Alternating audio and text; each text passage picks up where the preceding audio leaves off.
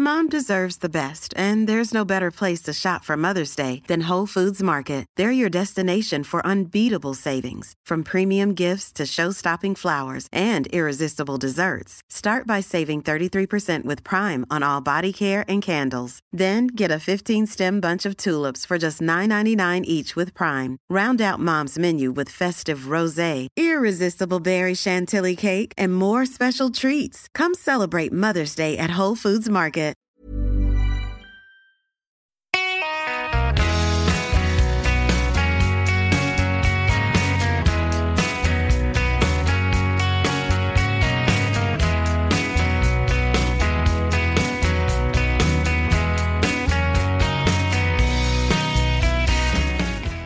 Då är vi här igen. Avsnitt 59 är vi uppe i vid det här laget. Det rullar på som attan och sommaruppehållet har vi inget. Och hej Lennart i Skövde. Hej, men vi har en bit kvar till det hundrade galopp. Jag tänkte på galoppderbyt där i söndags. Ja, det precis. hundrade och du var ju där till och med. Jag var där mitt i regnrusket, blåsten. För första gången på hundra år var du där. Ja, ja precis. Ja, de hade ingen tur. Men det var ganska mycket folk läste jag och såg på Röda TV. mattan var utrullad och gott om folk och hattarna stod som spön i backen i, eh, jäm, ja, i jämvikt med regnet där. Men eh, det var en god stämning och det är ju en helt annan, eh, helt annat klientel eh, än, och en helt annan eh, uppsyn än vid ett, eh, vad ska jag säga, jämför med travderbyt eller vilken travdag som helst. Eh, ja, Det var man märker att... Henrik, jag såg ju tv-sändningen en stund där. Mm. Och det var till, till och med så att den, får man säga, annars ganska sjavige eh, Matteus Liljeborg hade de klätt upp i elegant kostym och slips. Ja, jag såg faktiskt honom på avstånd där också. Från vår eh, festvåning som vi befann oss i kan man väl säga. Den här logen, Reveny Club. Ja. Lutfi Colginis. Eh, det var väl han som såg till att den blev verklighet va? Det får man utgå från. Ja. Eh, nej men det var ju en, eh, ett rafflande derby också. Och vår, eh, våra bildredaktörers vänner från veckan hade ju sin Stureplan i ledningen ett tag där. Ja, det, jag såg eh, som sagt, det var ju, han, han deltog i alla fall i loppet så mycket kan man säga. Ja precis. Och satte färg på det. Såg väldigt fin ut också tycker jag. Fin, Var det, fint. var det ett besviket Stureplansgäng? Nej, det var inte så farligt. De hade väl det här på känn att han inte skulle räcka mot de allra bästa. I synnerhet inte över den i deras tycke och för i tränarens tycke lite för långa distansen. Men han hade Där, femte priset. ju... Han hade ju femte priset klart. Han hade ju det. Hade Det ju, längsta. Nu slutade han först, först utanför pengarna. Ja. Men ingen större besvikelse. De var glada över att bara ha fått eh, ta del av det här spektaklet. Ångesten kommer idag när champagneångorna lämnar kroppen. Ja, precis. Jag vet att de skulle upp tidigt och ta sig hem med, eh, diverse fordon till eh, vardagsgöromålen igen. Och det blev ju alltså en jätteskräll där. Ett sto som vann. Eh, Dorsia. Hade denna Stricker hållit undan så hade jag lyckats pilla in en V4 helt Åh, f- det varit Judas pengar. från gatan. Ja, lite så. Den här vinnaren förresten ägs ju av Roland Johansson som är känd i, ganska känd i travsporten. QC-hästarna. Vad heter den här som ofta galopperar? Men Den här som bara Marcus Schön kan få vara felfritt. Ja, tydligen har Ulf Olsson gjort. Kahars QC. Kahar QC, precis. Den som Lucio Colgini hade från ja. början. Och eh, har ju flera eh, andra hästar, uppföd, uppfödda hästar och är ju en aktiv travsportman som uppenbart också satsar en del kulor på galoppen. Då. Lennart Reuterskiöld junior var det alltså som vann. eh, Som tränade hästen. Som hade fyra hästar i, i, i derbyt. Var det inte så att han vann i fjol också? Så var det. Så var det. Tror jag det. Börjar lära mig lite. Annars känner man, man förstår lite grann när man eh, är på galopp. Så sällsynt som... Förstår man? Alltså sällsynt som det är så förstår man att eh, de som eh, slinker in på en travbana för första gången kan ha lite problem med att förstå vad, vad allting handlar om. Man Ja. känner sig lite som en eh, kalv på, vad säger man, kalv på grönbete. Ja, men det, jag, det jag säkert berättat tidigare var ju med på någon debatt där på Täby galopp, satt i någon panel. Och där jag då försökte säga att det är svårt att förstå galoppen och framförallt kunna läsa programmet så man förstår vad som har hänt i loppen och och resultat och sådär. Då var det någon herre, friherre, som eh, ställde sig upp och sa det är faktiskt inte meningen att vanligt folk ska förstå sig på galopp. Nej, vi gamla, eller vanliga arbetargrabbar eh, har ingen chans där. Nej.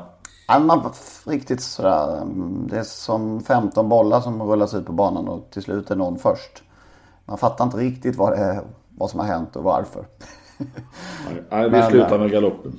Ja, det gör Nej, En grej till faktiskt. Varsågod. Vi måste följa upp eh, vår dubbel trippel resonemang i det. stora lopp från förra året. Eller från förra eh, veckan. Och då har du hittat en galoppör, eller Ja, visst. galopptränare alltså. Jag har fått tips om ett Cheltenham Gold Cup. Som tydligen är bland det största som, man, som finns i galoppvärlden. 1983 i detta jätteslag hade Michael Dickinson de fem, Oj, gamle Michael. fem första i mål.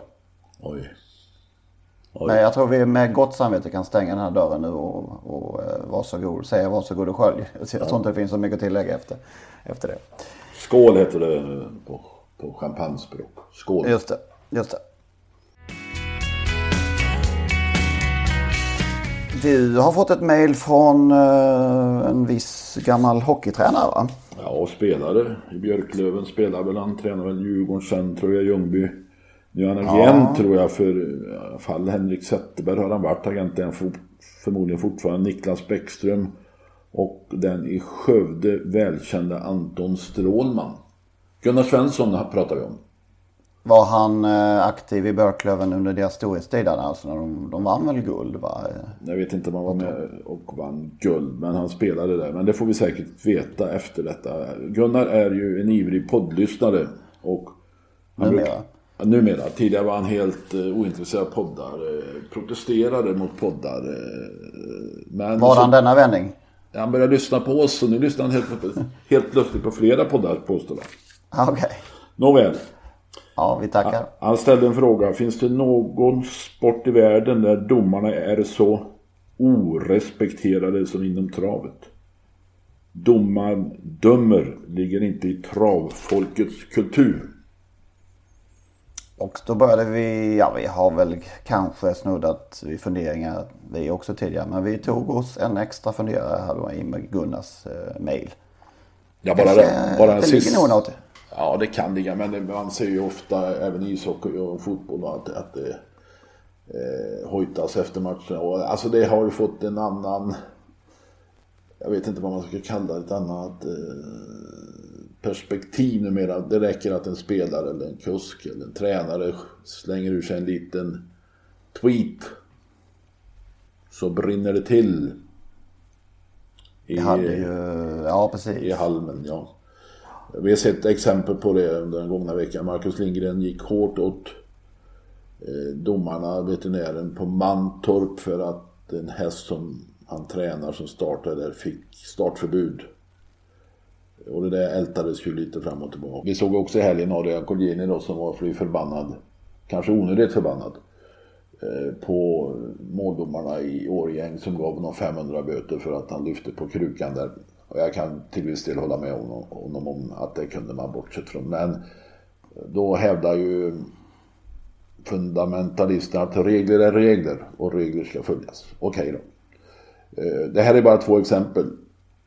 Och det var ju till och med så att Erik Adielsson indirekt i alla fall kritiserade Ja, måldomarna. nästan, eh, nästan förlöjligade Ja. får man nästan säga. Eh, Och sen om detta då är, betyder att travsportens aktiva inte respekterar eller respekterar domarna mindre än i andra idrotter det är ju svårt att säga. Samtidigt så kan man ju då säga att, att både Marcus och Erik har ju varit tillskyndare av Code of Conduct. Ja, hur rimmar det då? Ja, det rimmar jävligt dåligt i så fall. Ja, det gör det faktiskt. Det måste vi nog säga. Uh, ja.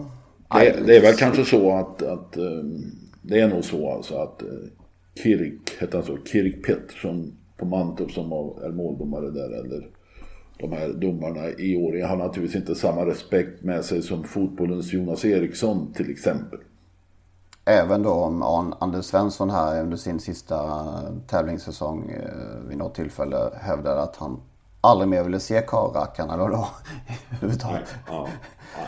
Så att det, eh, det men äh, ja. Jag är inte säker det har, på, du, det har du naturligtvis en poäng i. Jag är inte säker på att, att Gunnar Svensson har helt rätt eh, i sitt ifrågasättande. Men det, det, är ändå ett bra påpekande. Och ja, det tycker jag faktiskt. Kan, kanske att man... Jag vet inte varför det saknas respekt. Det är ju möjligtvis då att man tycker att kunskapen är för dålig. Att det är lite för vingligt från högsta ort också. Det, påpekas ju ofta att eh, det är olika bedömningsnivåer från bana till bana. Men det är väl också som det är i alla sporter. Det... Inte från bana till bana. Men från Nej, domare men till från, domare. Från domare till domare då. Det, och det, det, blir ju så i det här fallet också. Och sen det här eviga tjatet om proffsdomare. Hade det varit proffsdomare nu i, i, eh, i lördags så hade Adrian inte fått sin 500 ja, skulle alltså... Var finns proffsdomare Vi har ju, Nej, vi har ju fem, sex domare som vi då möjligen kan betrakta som proffsdomare. De här rikstotofunktionärerna. Och det fanns ju en sån i Årjäng och han instämde ju också i att det var rätt. Och likadant domarbasen eh, på SD gav ju också sin nådiga nick och vad fan ska de göra? Eh, reglementet följdes ju. Sen tycker jag kanske att det här kan bli lex Adrian Collina. Man tar upp det här snabbt och gör ett undantag på något sätt. Att efter så stora segrar så måste vi låta kuskarna eh, visa glädje och framförallt eh, visa sin uppskattning till publiken. Mm. Jag, såg jag jämför, jämför igår med om en fotbollsspelare drar av sig tröjan efter ett mål och blir alldeles till sig. Det är ju ganska vanligt. Och det är värre. Det är, en, det är värre än att lyfta på krukan tycker jag. Att visa en, en tatuerad överkropp. Det kan ju... ja, en, olika. Men det, det är ändå ett ganska jämförbart exempel. Och där kan du få oerhörda konsekvenser. Eh, till skillnad från den här löjliga 500 Ja. Eh, det fick lite stora proportioner tycker jag. Ja men det var ju som vi sa från början att nu har jag bidragit till det också så jag ska inte svära mig fri på något sätt. Men eh, det räcker ju med att, att det dansar ut en liten tweet. Ja, det igång. I, I rymden så är det igång va. Och det är ju tacksamt då för förr i tiden Ja, men det som är lite anmärkningsvärt tycker jag är att Erik Adielsson då som styrelsemedlem i såväl ST som ATG går ut och... Eh... Ja, ja, det kan man ju tycka. Men samtidigt så är det ju lite uppfriskande att någon i den innersta kretsen också kan visa att de tycker att domarna gör fel och att eh, ATGs, STs beslut om ditt och datt att han inte är överens. Han, ju, han har ju bara en röst av nio i båda styrelserna. Mm, ja. Måste... ja, tar han ställning i, i, i tyngre frågor framöver så, så ska han agera också. Om han eh, även hänger på i lite, lite allvarligare saker så. Det måste finnas en opposition även internt och det tycker jag är bra. Mm. Ja. Det ska vara högt ja, i tak. Var lite kritisk mot 16.20 här i, ja, i, hel, i helgen också har vi uppmärksammat. Det gladde dig speciellt gissar jag. Ja, ja, ja, sådana grejer, tillfällen missar man inte. Nej. Men det blir ju mycket, som jag skrev idag, särintressen här att jag tycker 16.20 är bättre för att jag brukar handla på Coop klockan 14. Ja men visst. Det är det här klassiska. Ja. Apropå domarna där så pratade vi om förra veckan om det spelas in eh, överläggningarna i hockeyns war room där och Gunnar Svensson som kan sin hockey på alla fingrarna sa att det finns ingen inspelning och jag har också kollat med en, en eh, domarbas som säger att det spelas inte in de här samtalen som förs under matchen mellan domare och assisterande domare. Och det har funnits förslag om detta. Eh, att man ska spela in Men inte för att kunna dokumentera efteråt om jag förstod det. Utan att man skulle få domarna att sluta med massa onödigt tjafs som stör dem egentligen under matchen. Jag har sett det där faktiskt i lite matcher. Man snackar och snackar och snackar istället för att ägna sig åt sin huvuduppgift. Och vinka offside om man är assisterande domare. Mm. Så ingen inspelning, ja. ingen inspelning. Nej. Kom vi någonstans i det här egentligen? Utan, eh, det gjorde vi kanske inte. I vilket? Uh, om domarna är mer förlöjligade eller kritiserade ah, i travet eller ah, inte. Vi kom nog ingenstans. Det, säkert ibland, behöver man inte, ibland behöver man inte ha exakt rätt svar. Ja, det går inte att mäta. Men uh, Gunnar Svenssons iakttagelse är ändå intressant. Och det, ja. finns, det finns väl skäl för travfolkets aktiva i alla fall lyssna lite. Men det, det spelar ingen roll. De slänger ur sig i, i, stridens hetta brukar det heta. Mm.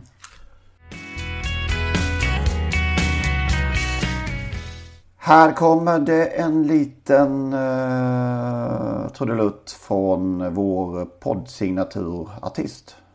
Oj då. En annan av hans uh, låtar faktiskt.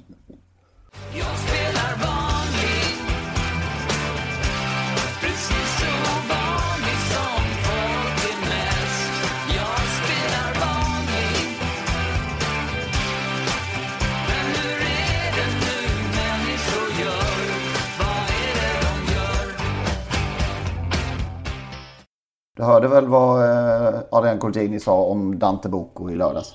Ja. Att han under sin eh, inledning av livet försökte spela vanlig. Ja. Precis som Olle Ljungström här sjunger från sin eh, första soloplatta från 1993 tror jag det Han försökte maska vad han egentligen kunde alltså. Ja, precis. Så var det ja, Det trodde man ju inte när han eh, knatade på där som fyraåring. Och kanske inte som femåring heller. Nu minns jag inte exakt här vilket skede han utvecklades ordentligt. Men nej, det var inget jag trodde på överhuvudtaget måste jag säga. Eh, men nu vann han i Årgäng. Mm. Var det i Frankrike han fick sitt genombrott? Ja, det får man väl säga. Eller skaffade sig? Skaffade sig lite hårdhet och, ja. och självförtroende kanske. Ja, det blev ju oerhört rafflande till slut där i år. Alltså. Ja. Jag pratade med han som har namngett Dante Boko på Jägersro igår. Dante Colgini. Mm. Han hade tydligen klockat propulsion till 1.04 sista 500 meterna. Mm. Och det kanske var någonstans där han låg. Helvete vad han gick. Och då måste vi säga att även Ringo Starr Treb Ja, som, som blev lite bortglömd helt plötsligt. Nu. Han, han gick ju inte lika fort som eh, Propulsion men inte så långt. Så mycket sämre alltså. Nej, och drog ju fram då Propulsion en bit också. Mm. Så mycket bra igen. Det där målfotot var inte att leka med. Ja, har du sett det? Ja. Ja, okej. Okay. Ser man inte knappt? Nej, jag ser det inte men jag är en åldrad man med då halvtaskig syn. Men det är klart att han dömde rätt. Men det var så oerhört, oerhört nätt. Mm.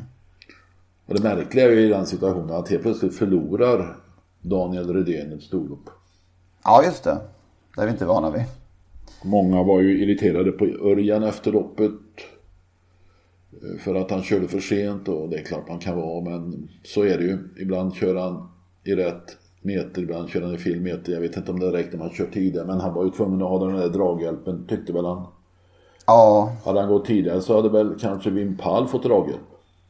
Ja, om man nu säger att han, om man nu gick de här tiderna sista fem skulle han kunna gått fortare liksom. Jag vet inte. Ja. Det där kan vi spekulera i all evighet. mm. Resultatlistan är klar. Ja.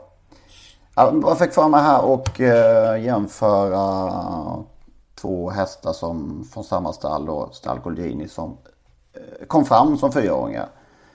Eh, Dante Boko och Archangel Am. Jag kommer ihåg ja, att Colgjini uttryckte att Dante Boko är bra men det är ingenting mot Archangel Am. Det är en, helt, he, ja. en helt annan nivå. Och så ser det ut om man tittar bara på hästarna. Alltså. Ja, och så tittar vi hur det ser ut just nu då på facit. 13 segrar på 55 starter för Angel 2,3 miljoner inkört. Dante Boko 20 vinster. 6,2 miljoner. Båda efter Going Kronos. Och det känns lite samma sak som när Going och Glenn Kronos huserade en gång i tiden. Och alla, alla om var tyckte väl att Going var den lysande stjärnan medan Glenn var nötte på. Men när det summerades så var Glenn eh, den största. Och vann då italienska derbyt före Going. Dessutom ja, Så, som ung hästredan. Ja visst. Apropå Going Kronos så är väl Dante Bocco den i särklass vinstrikaste avkomman. Det är ju många som tycker att eh, det inte riktigt blir någon utveckling på, i dem som äldre. Nej, det kan man ju se. Spoil Me var väl en ungdomsstjärna, 3,7 miljoner och sånt där. va? Ja visst. Arcangel M är, ser jag här nu, den fjärde vinstrikaste med 2,3 miljoner. Okej. Ja. Mm. Är det några eftergående Kronos som gick till final i Storchampionatet? Ja, det var ju också en fråga helt plötsligt. Ja, jag vet. Jag kom, den kom i stunden. Nå, nej, jag, nej, jag tror faktiskt inte det. Nej. Men du var på i fredags och Storchampionatet häger till helgen. Jag släpper härmed över mikrofonen till Lennart Persson. Så, så känns det. Alltså, jag, det var fantastiska kval. Garanterat de bästa kvalloppen. Det är svårt att jämföra årgångar. Men den bästa, de bästa kvalen i Storchampionatets historia sen eh, kvalen infördes. Det är tunga ord. Ja, det beror på att jag väger hundra. Men eh, alltså jag skulle, jag kommer få hugg nu, kunna, kunna drista mig till att säga att det kan vara den bästa upplagan någonsin. Hittills i alla fall. Vi har sett värld, blivande världsstjärnor dansa förbi. Två Prix d'Amérique-vinnare, en Prix de France-vinnare, Queen L. Ina Scott naturligtvis och Lovely Godiva tvåa i Prix d'Amérique. Sen har vi också Giant Diablo som väl var världsrekordhållare. Ja, visst. Eh, Så det är klart att eh, enstaka stjärnor har vi, stora stjärnor, blivande stora stjärnor. Men ett så här, med så många bra hästar har jag, tror jag inte skådat sedan Emily Palema vann. Sedan Lill-Marvel tänkte jag. Ja, hon, Hon- hon- började tävla som nioåring, eller slog igenom som nioåring. 1987 var en bra år. Emily Palema vann för Last Dame och Wallners Newmarket 3. Där fanns också Quell Fortune med Thoresen förresten. Och Ikora Tilly och Ekana Nibs. Det var en fantastisk årgång. Men den här är ta mig tusan lite vassare alltså. Ja, när man tänker på att en sån underbar häst som Darling Miraz Inte ens är favorit. kommer med hyfsat stor sannolikhet att kanske spela andra fiolen bara. Ja, i alla fall, här- i, alla fall i förhandsnacket. Förhandsnacket, ja. ja. Men hur det blir till slut, det vet vi inte. Nej, det vet vi inte. Alltså, Vi kan, vi kan hon- ana. Hon, ja, men jag har en känsla av att... Eh, jag vet inte hur Fredrik Persson tänker. Men jag vet nog hur eh, den andra Persson, Stefan, tänker. Han kommer satsa på ledningen. Han tyckte hon öppnade som en snabbloppshäst. Ja, det var jäklar vad hon hade fått till den eh, aspekten i sitt register. Och jag ser då kanske att hon får ledningen och då måste ju ändå Cash Kro gå utvändigt ett varv kanske. Ja. Hon gick 10,5 sista varvet sist och hon klarar ju det. Men det var i ledning. Utvändigt ett varv om den här långa, stora, mäktiga Darling Mearas. Men hon, vann, hon gick alltså från sjunde ut i drottningpokalen. Ja, men då var inte Darling Mearas med om jag minns rätt. Nej, det har du rätt i. Nej men alltså det... Sen alltså bakom de här finns, eh, ja, vi säger då Cash Kro, A-häst, Darling Mearas, B.S. Ultra Bright. Men bakom, där finns det också jättefina hästar. Jonic Juni imponerade i kvalet. Inga in Heaven gjorde det också. Georgius Boko satt fast med gott om krafter kvar i rygg på Darling Mearas. Men det är klart, det blir ju sämre spår när de blir två. Ja, jag tycker vi har ett fantastiskt storchampionat att se fram emot. Det som slår mig lite, Henrik. Det är att det finns bara en enda Solvalla-häst med, Rymdbrolan. Jag tror det var likadant i fjol.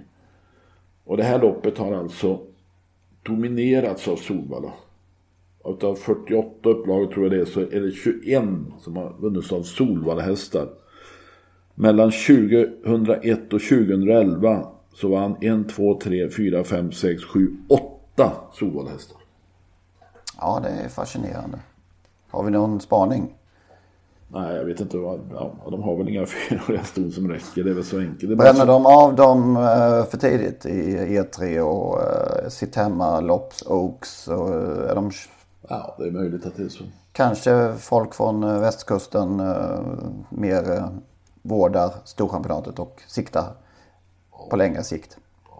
Stefan Ja, Persson har i alla fall gjort det. Hon, har bara gjort, Jag höftar här nu. hon hade bara gjort två starter och eh, inför kvalet. eh, Han, Han på sin mammas gata, det är ingen tvekan om att han har... eh, Ja, det är klart det här är stor. Det här är ens livsuppgift nästan. Ja. Att, Var nervös, du träffade honom på... på jag tänker alltid, de borde vara nervösa inför sig. De, alltså, de, de ställer av sin häst i år, ett år nästan och sen så de här, de här minuterna, då ska det ske. Och, att, man, att de inte... ja, de, är väl, de har ju varit med lite grann, men det är klart. Ja. Det Det är som att satsa mot ett OS nästan ju. Ja, det går inte att säga att, han, eh, att man kunde se på honom att han var nervös. Nej. Det som slog mig var ju när Lackis Bäck la sig på gången där och det blir lite panik i stallet men Persson var den som tog det lugnast. Hon är sån Sanna. Mm. Apropå mammas gata så kom faktiskt mamma. Mamma, Ja, okej. mamma Persson med blombuketterna ner i stallet. Hon såg aningen stolt ut. Ja. Vad ska det hon då inte vara på söndag om det? Nu vet jag inte vem som kör På Lucky. Speck. Eh, Tydligen får inte... Kevin är ju andra kusk men han har inte kört henne tillräckligt många gånger på de senaste fem starterna. Så jag tror inte han fick köra. Kan det vara så? Varför skulle han inte få köra? Han är avstängd och eh, Ah, okej. skulle Då kunna få jag. dispens. Ah, då är jag med. Den känner jag inte till. För att... Eh, så är det ju. Man kan få dispens om man inte är avstängd för Precis. drivning va.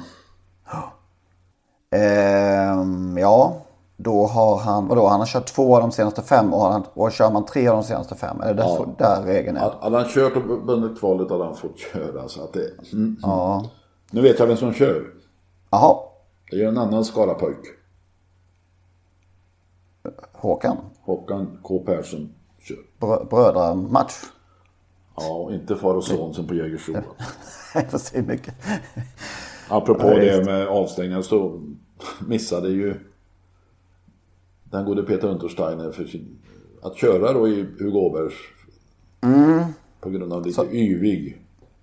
Nu är loppet helt dött. Men när vi, när vi inte, när vi, den här släktkampen inte... ja, det var det som sagt. Kryst, krystat. Björn Goop behöver det vara. sett det. Just det, just det. Verkar det som ja. Men du saknar ändå en häst i loppet va? Ja, det gör jag faktiskt. Och det är Amalia Cash som i den första avdelningen där Cash Krovan galopperade. Hade fått rygg på Cash Kro annars och naturligtvis lyftat med till andra platsen. Ja, herregud. Och svarade sen för en heroisk upphämtning. Alltså till tredje platsen. Ja. Ja. Det var en mycket deppad Jörgen Westholm direkt efter 200 meter. Jag stod intill honom där, tränaren alltså. Och jag träffade Örjan efter Örjan Kihlström. Och, och det är sällan man ser Örjan så besviken som då. Nej.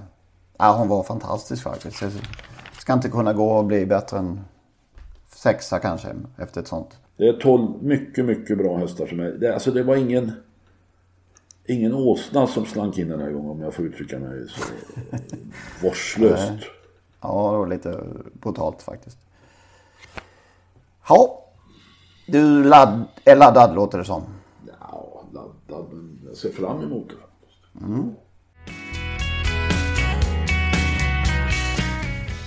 Nu har vi tänkt att tacka av två på olika, sina olika vis underba- underbara individer. Två stycken stjärnor har lämnat in eh, i, i veckan av olika anledningar. Inte lämnat in, nu tar du väl i. nu, nu är jag där igen. Ja. Ja. Men lämnat in sina skorna på hyllan. Ja, de har ju sprungit barfota på slutet. Så att det... Mm. Ja, men jag, alla förstår vad du menar. Mm. Vem, vem vill vi börja med? Mosaic Face var den som först lämnade besked i alla fall. Ja. 16 vinst. Det är ju faktiskt lite fascinerande. 16 lopp har han bara vunnit. Bara? Är inte det, jät är inte det jättelite?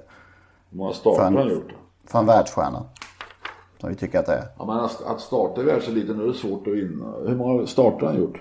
75. Ja. Ja, det ganska, klen, ganska klen segerprocent får vi säga. Ja. Men tjänar 13,5 miljoner lite drygt. Vad minns du bäst? Eh, från hans karriär. Eftersom mitt minne är eh, svajigt så minns jag nog bäst det jag den senaste storsegern, om det nu var det. I alla fall en av de penningmässigt största, den näst största penningmässiga serien. Det var ju Mastersfinalen i Mons. 1,9 ja, miljoner. Och då råkade jag vara på plats dessutom. Och det är väl kanske därför jag minns den så bra. Det är det jag minns bäst. Jag vill inte påstå att det var hans bästa lopp, men jag minns det bäst. Han slog Kreatin och Oasis B som slutade närmast då. Just det. Ja, låt mig få säga den starten då. Mm. Ja, det är lite, elak, lite signifikativt då kanske för, för Mosaic Face så minns jag nog eh, två andra platser. Eh, lite absurt. Ja, då, är, då är det inte så märkligt att han har vunnit så få lopp när du minns andra platserna. Nej, du ser, nej. Ja, men lite grann det där kvalet till derbyt. När han spelar till 198 för 10 tror jag. Slutade tvåa bakom Portos Amok. Det var knappt som man visste vem häst, vilken häst det var där i det läget ju. Efter en storstilad insats, efter ett vråltungt lopp minns jag att det var. Eh, som sagt, från ingenstans på något sätt. Och då, då, då, det säger ju ganska mycket att hästar som Rafael Blågul stod i 6,40. Ed Rapid, minns du den? Vad heter den? Stod Ed Rapid. Var det en god häst? Uh, undrar om inte det var uh, Micke Selin va? Okay. Stod sju gånger. Capone Boko. Ingen fick komma ihåg. Stod i nio gånger. Så att det växlar snabbt. Eller det växlar mm. i branschen. Enormt bra där och presenterades ju för den stora publiken för första gången. Sen vann han ju derbyt eh, efter det då. Och sen kanske den där andra platsen i Elitloppet ändå när han stred vid döden ja. så fick stryk med huvud av... Ja, det håller jag med om. Det kanske var hans allra bästa lopp i hela karriären. Ja. Sen var det ju faktiskt så att han eh, gav, om vi får säga så, Adrian Goldinis första storloppsseger i karriären. 2014 i Jämtlands stora pris. Som, om jag uppfattade rätt, är den seger som Adrian fortfarande håller högst. Ja, så uttryckte han ju lördags, om inte annat. Delicious då, som ju sorgligt nog, eh, ja, ordentligt sjuk också eh, efter eh, ett, en ny magåkomma under förra jag, veckan här. Jag spekulerade lite i tidigare att, hon, att det blev hennes sista start det där förödande Elitloppsförsöket.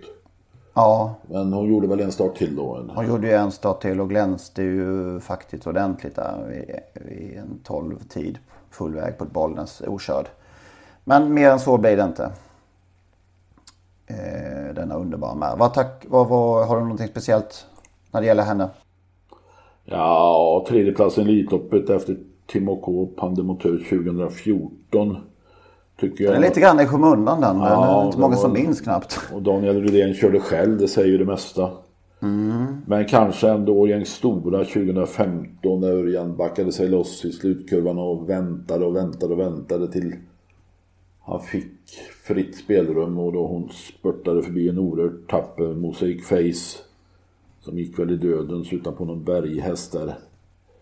Eh, och Repay Merci kom ju spurtande också men eh, då var hon läcker. Mm. Sen har hon naturligtvis gjort flera minst lika bra, kanske ännu bättre lopp efter det. Men det kan du bättre än jag. Ja, jag måste nog säga det här Sundsvall Open trots när hon gick världsrekord över medeldistans. 10 blankt. Ringo Starr Treb och via tredje spår har vi 10 Oasis Speed. Med också följer i spåren 7 On Track Piraten. Övertag i mitten av slutsvängen för fyra Ringo Starr Treb. Övertar ledningen följs närmast av 10 Oasis Beam. Med som tredje följer 7 On Track Piraten. Vi har också med i rygg där 8 Delicious US. De kommer ut slutsvängen in på upplopp 4 Ringo Startreb. Det är 10 Oasis B. Vi har sen mitt i banan 8 Delicious US. Mindre än 100 meter till mål. Fortast går 8 Delicious US. In mot mål 8 Delicious US. Örjan Kihlström. Eh, jag minns att det gick väldigt fort första varvet och Örjan satt sist och man visste redan varvet kvar vad som skulle hända. Och hon smattrade ju förbi fullständigt eh, magnifikt och såg nästan okörd ut över mål. Det var en underbar upplevelse. Det är nog det jag minns allra starkast. Tre världsrekord han ju en period där. Mm. 8 och 6 över kort, 10 blankt över medel och 12 och 1 eh, över lång distans efter en och det ser, det ser ut som att faran är över. Ja, det verkar ju mycket glädjande så. Så jag hoppas att de får ett ett bra liv och kan bli mamma kanske. Ja, det hoppas, hoppas vi på. Vi på naturligtvis. Mm. Vad har du på bästa listan i veckan? Är det något med Storchampionatet? Möjligen. Ja, alltså det, det, var som jag sa tidigare, kvalen till Storchampionatet var magnifika. Det bäddade för en fantastisk final. En annan sak som slog mig. Eh, vi har ofta pratat om eh, det här med damlopp, att det är förlegat och det kanske på något sätt vidimeras av att det var sex tjejer som vann på Solänget häromdagen. Sex tränade, vad var det, kuskar? Kuskar ja. Kuskar, mm.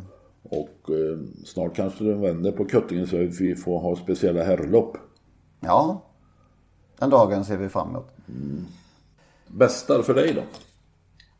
Jag kommer inte på något bättre än Propulsion. Ruskigt tråkigt. Men, men eh, det var ju något alldeles enormt. Det är bra, du gillar ju andra platser låter det som. Ja, just det. Eh, från ett bra spår i Åbergs blir han såklart jättefavorit. Och jag kommer inte på något bättre helt enkelt. Var det på sämsta listan? Ja, eftersom vi nu har ägnat en stund åt galoppen både på sajten och här idag så eh, måste jag nog säga att eh, det snackas, veterinärer pratar om drivningar i travet att man ska förbjuda körspel. Drivningarna på galoppen var sju resor värre. Ja, okej. Okay. Och det ser kanske mer ut där det är möjligt alltså när man sitter på hästryggen och slår i bakändan där. Det är möjligt att man eh, där har galoppen något att sätta händerna eller tänderna i. Alltså det, det, som åsyna vittnen så ser det mycket, mycket värre ut än, än i travet. Vad, blev det för, för konsekvenser där? Har du sett några böter eller avstängningar? Nej. Det, det, det har jag inte gjort, jag kan inte reglerna men eh, alltså det var inte bara i derbyt utan det var ju flera andra lopp också. Men framförallt i derbyt. Mm. Ja. Å andra sidan så fick Adrian 6000 Dante Bocco seger där och jag tror inte vi kommer längre med det här. Eh, kanske någon gradvis förbättring och det har ju skett de senaste åren. Men eh, nu är vi nog i vägs ände att det går inte att få kuskarna att i en sån slutstrid som i Årjäng låta bli att gå över gränsen. Då har vi bara ett alternativ kvar och det är att ta bort, ta bort körspöet i ja, så fall. Vilket heller inte är något bra alternativ naturligtvis. Nej, nej. Ja. Sämsta för mig, jag vet att det är inget jättefel på det. Men på samma gång det, ser det bara ut som ett i mängden numera. Hugo Åbergs Memorial. Som sagt, det är, det är ett småputtrigt lopp när startfältet är spikat och så. Men, men det sticker inte ut det minsta längre. Ja, det känns som när det, det loppet mig. ska överleva tack vare den magiska solnedgången. Ja, precis. Det lever på det liksom. Uh, ja, de puttrar på där med sin miljon i första pris för kanske 20 året i rad. Skulle jag tippa på. Och uh, ett första pris som vilket annat storlopp som helst under sommar. Det bara kryllar ju av dem. Alla har ungefär den där, den där prissumman. Det blir dubblas, två miljoner. Ja, det måste hända någonting med Råbergs Memorial. Det är ju ett av de i mina ögon, tyngsta storloppen vi har. Ett av skälen till att eh, just för Gåbergs flera andra storlopp har blivit lite fattigare, det är paradoxalt nog att Fabrice Sola är avstängd. ja just det, svårare att hitta franska intressenter. Utländska intressenter. Ja men han har ju alltid bidragit med ja. topphästar på gott och ont ska vi säga med eh, vad vi nu vet. Men han har ju genom åren bidragit med fantastiska hästar i de här storloppen, Åby Stora, Olympiatravet, eh, Elitloppet, Hugo Åbergs, vad det nu är va. Mm. Det går inte att komma ifrån. Nej. Sen om det har skett på, ja.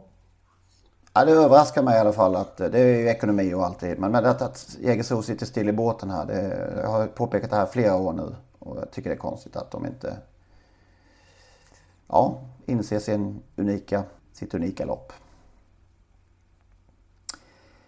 Ja, har vi mer? Ja, Innan vi packar ihop. Jag är nöjd. Du är nöjd? Jag är nöjd. Du laddar för som sagt tre. Ska du gå alla tre dagarna? Ja. Oj, lördag och söndag är givna. Det lät inte så. Ja. ja, sen vet jag inte fredag. Jag ska ja. kanske spela någon golf, sån där travtourtävling i golf på fredag och det kan betyda att jag är helt slut när travet börjar. Mm. Både psykiskt och fysiskt. ja. Då så. En vecka till Åbergs, trots allt. Ja, drygt. Ja, ja, just det. det är, nej, det är en vecka. Ja. Det har du rätt i. Ja, ja. Den magiska kvällen. Den magiska. Ska du dit? Ja, såklart. Vi säger så. Ha det gott. Ja, hej. hej.